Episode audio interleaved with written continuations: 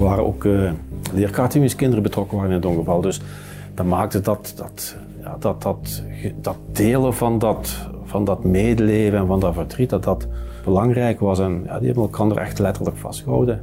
En ook een beetje naar een hoger niveau getild, denk ik, om, uh, om dat samen aan te pakken.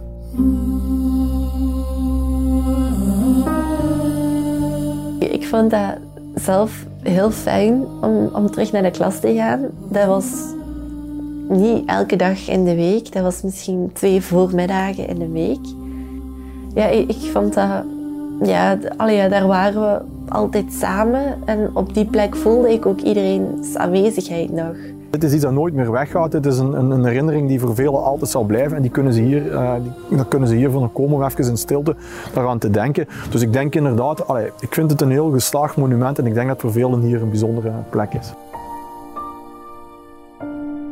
De ochtend van 14 maart 2012. Terwijl het nieuws over het zware busongeval in Sierre binnencijpelt, komen ook de eerste kinderen niets vermoedend aan voor een nieuwe schooldag in het Stekske.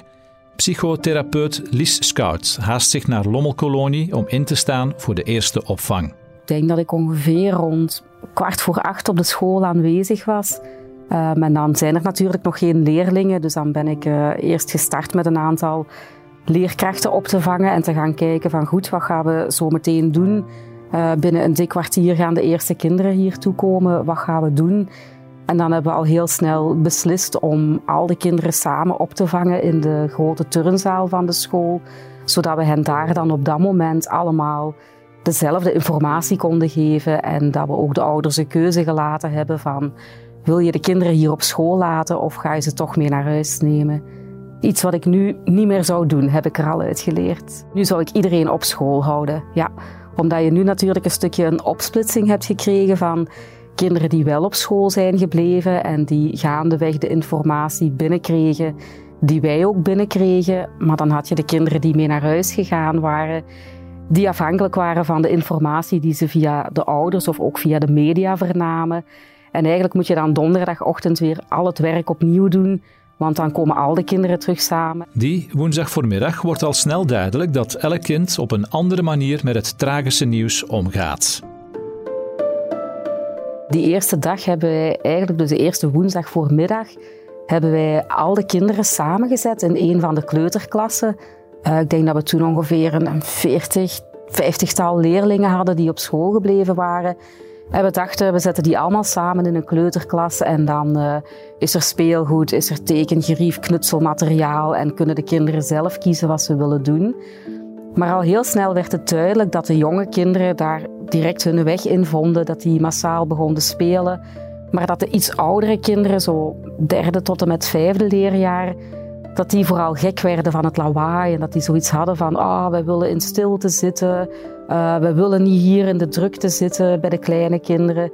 Dus dan hebben we al heel snel een tweede klas erbij genomen en die hebben we dan ook voor het eerst de stille klas genoemd. En hebben ook echt gezegd van kijk, dit wordt een stille klas waar dat iedereen in stilte kan aanwezig zijn. Hier mag gepraat worden, maar hier mag evenzeer gehuild worden. Hier mogen kinderen boos worden. Ook hier mag je rustig een tekening maken, maar geen speelklas meer. In die dagen is de solidariteit onder de Lommelse scholen groot. Ik ben Peter van Veldhoven.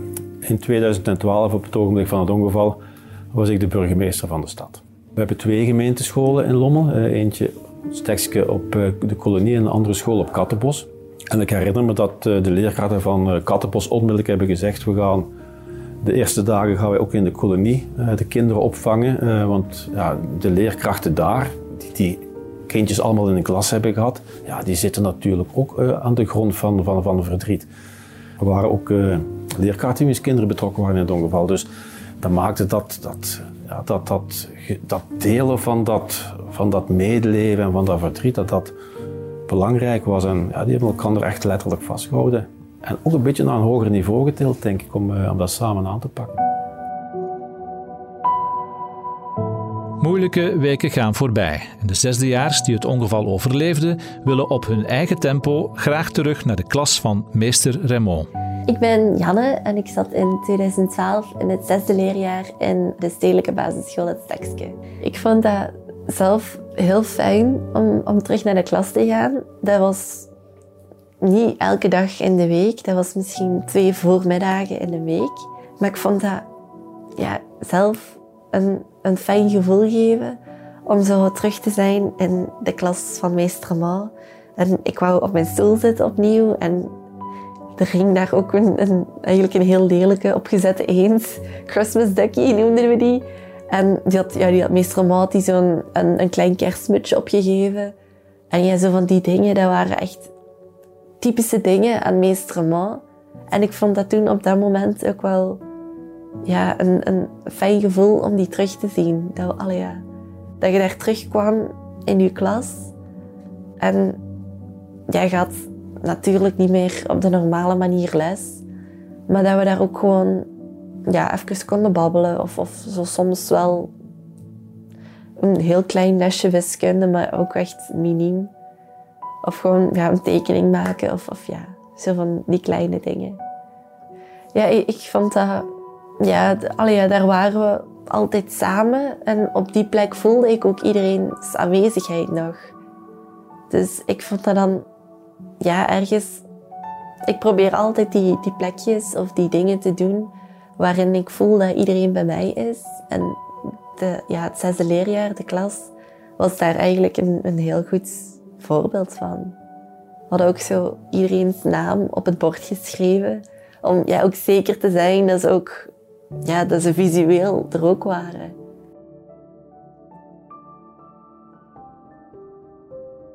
Psychotherapeut Lies Scouts bleef het stekske tot twee jaar na de ramp opvolgen.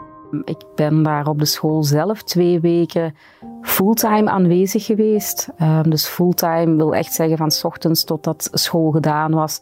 En vaak ook nog lange tijd na de school, want dan kwamen we nog samen met de leerkrachten om weer te kijken hoe is de dag vandaag verlopen.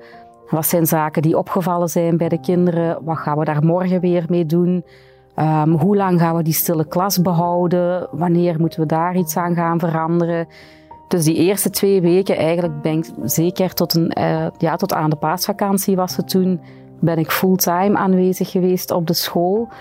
En dan nog tot op het einde van het schooljaar ben ik uh, meerdere keren per week nog, enkele uren per dag daar geweest. En dan sowieso tot, uh, ja, ik denk één, twee jaar na de ramp ben ik de school blijven opvolgen. Um, op specifieke momenten, bijvoorbeeld het einde van het schooljaar, toen het de diploma-uitreiking was voor de kinderen die het dan wel overleefd hadden. Maar zijn we ook gaan kijken, wat gaan we ook doen voor de kinderen die het niet overleefd hebben? Want die ouders willen natuurlijk ook wel iets voor hun kind. Zo werd er één jaar na de busramp een herdenkingsmonument onthuld. Ik denk dat dat belangrijk is. Eh, en dat is ook een, vind ik zelf, een heel mooi monument van Marcel Hakourian, de plaatselijke kunstenaar, maar waar heel veel symboliek in zit. Ehm, en waar ook een, uh, ja, elke familie eigenlijk een boodschap heeft kunnen in achterlaten ehm, voor het kind of voor de partner die ze verloren hebben. Uh, en dat zit daar ook in verwerkt en dat, is, dat maakt dat dat ook weer iets, ja, iets persoonlijk heeft. Wij zijn dan bijvoorbeeld de stapstenen met lichtjes die dan ja, naar de hemel schijnen. En dan ja, de kokertjes, de seksjes, gaan dan ja, ook symbolisch op een wegje naar de hemel. En dan ja, de plattegrond is natuurlijk de kaart van Zwitserland. En ik vind het ook wel heel mooi dat het ja, geen leeg monument is, dat er echt een, ja, een symboliek achter zit. Ik ben Chris Verduikt. Ik was in 2012 eerste schepen hier in Lommel uh, op het moment dat de ramp uh, in Sierra gebeurd is. Ik denk dat inderdaad voor, voor, voor, voor de gemeenschap, voor de kolonie ook wel een, een, bijzondere plek is, om, een plek om naartoe te komen. Ja, om stil te staan met hetgeen dat gebeurt. Dus, dit is iets dat nooit meer weggaat. Dit is een, een, herinnering die voor velen altijd zal blijven. En die kunnen ze hier, uh, die, dat kunnen ze komen om even in stilte daaraan te denken. Dus ik denk inderdaad, allee, ik vind het een heel geslaagd monument en ik denk dat voor velen hier een bijzondere plek is. We zien dikwijls dat uh, als mensen Lommel bezoeken, op vakantie zijn, hè, uh, dat dat toch iets is waar ze toch eens willen passeren. Niet omwille van het feit dat, ze, ja, dat, ze, dat dat iets prettig is, maar ja, dat is toch iets dat in het collectieve geheugen, niet alleen van de Lommelaar, maar ik denk in heel land, zit dat toch nog ergens verborgen. En als mensen over Lommel spreken, dan, uh, ja, dan komt dat toch dikwijls naar boven. En dus is iets wat, dat is. Het is niet dat daar massa's mensen naartoe komen, maar daar komen regelmatig mensen zo eens bezinnen, nadenken over het verlies dat ze misschien zelf geleden hebben. Ik vind dat soms wel fijn om, ja, het is voor mij wel even rijden, maar ik vind het wel fijn om dan ja, gewoon de auto daar eens te zetten en ja, gewoon even te kijken, s'avonds naar de lichtjes. En ja, er staat ook altijd muziek op. Ook ja, gewoon even een momentje tot stilte te komen.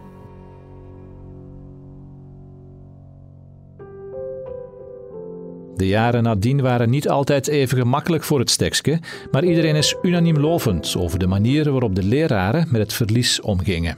Ik heb uh, het, het, leer, het schoolteam van het stekske leren kennen als een enorm hecht en een heel warm en een sterk team die van in het begin hebben gezegd, wij gaan hier samen door, wij gaan dit samen aanpakken en we gaan voor elkaar zorgen, we gaan zien hoe dat we hier samen door kunnen komen.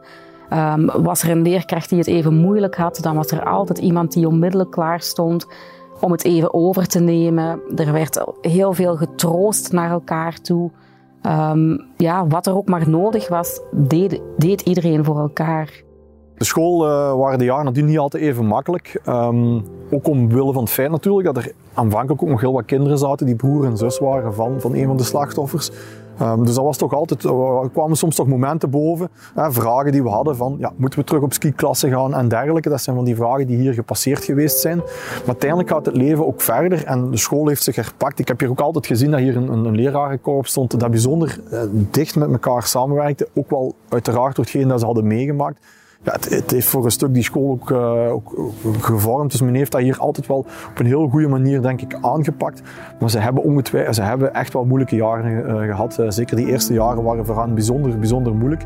Um, dus, dus, maar ik moet zeggen, ik heb er altijd met veel bewondering naar gekeken hoe de leerkrachten er hier toch mee omgesprongen zijn. Want er zat ook heel veel verdriet in dat lerarenkorps.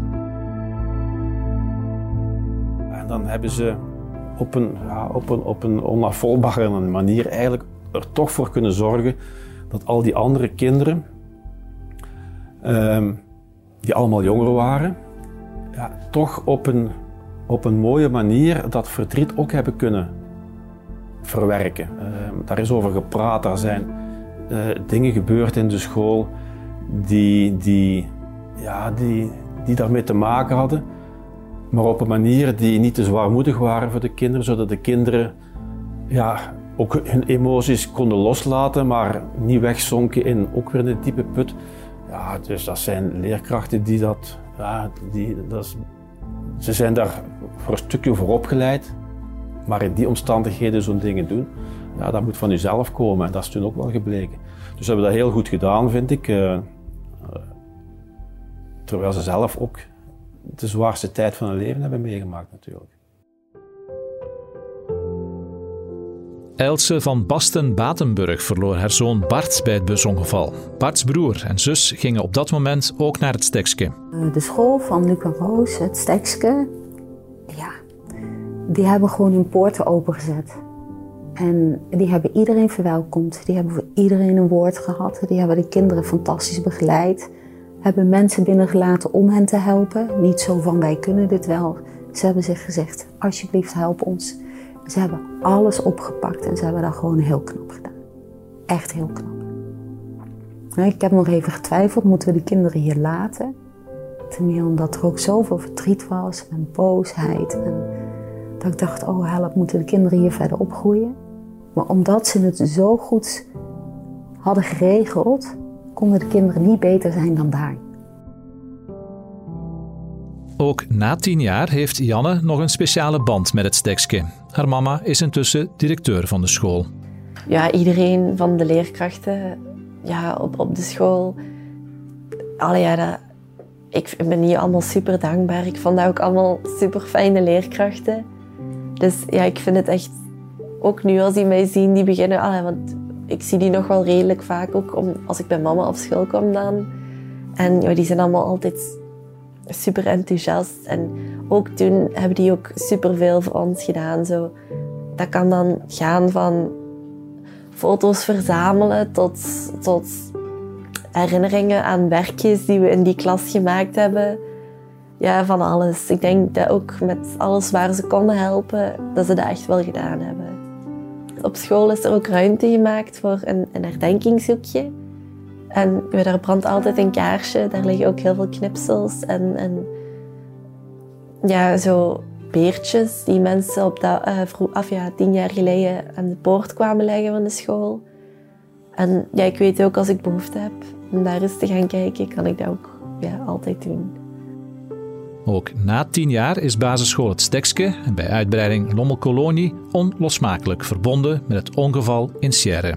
Rouw is een proces dat nooit stopt. Ehm, zeker niet als je heel dichtbij betrokken bent geweest bij een van de kinderen uh, of leerkrachten, dan is rouw een proces dat nooit eindigend is. Dat wil niet zeggen dat die, die rouw of die pijn en verdriet altijd even intens moeten blijven. Die verandert natuurlijk wel met verloop van tijd. Maar natuurlijk, als je kijkt naar ouders die een kind verliezen, ja, dat is een immens verlies dat je heel je leven meedraagt.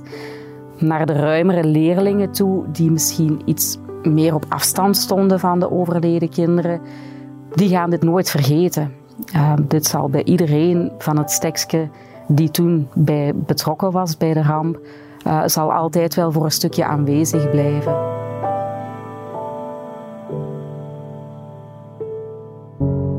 Ik denk de verwerking uh, bij, de, bij de families, ik denk dat dat voor iedere familie en misschien zelfs binnen de families voor iedereen anders is.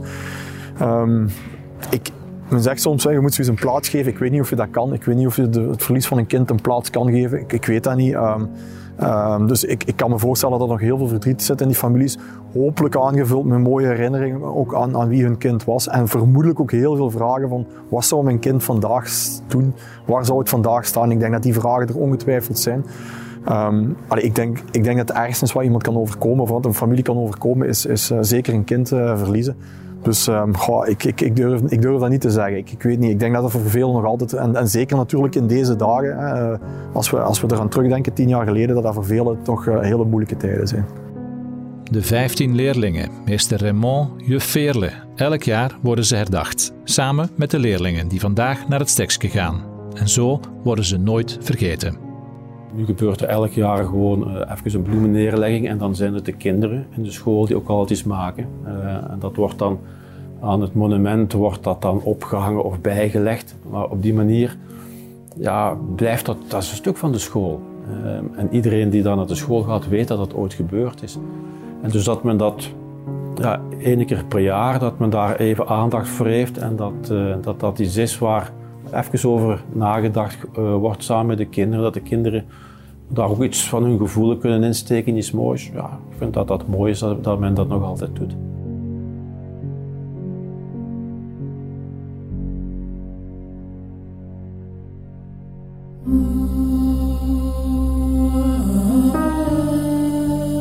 In de volgende aflevering van de TVL-podcast Sierra tien jaar later vertelt Tony Reinders het verhaal van zijn dochter Emma. Zij overleefde het busongeval niet, maar na tien jaar maakt ze nog elke dag deel uit van zijn leven. Ik ben Luc Mons, de redactie en montage gebeurde door Tom Kums, de audioproductie door Len Melot.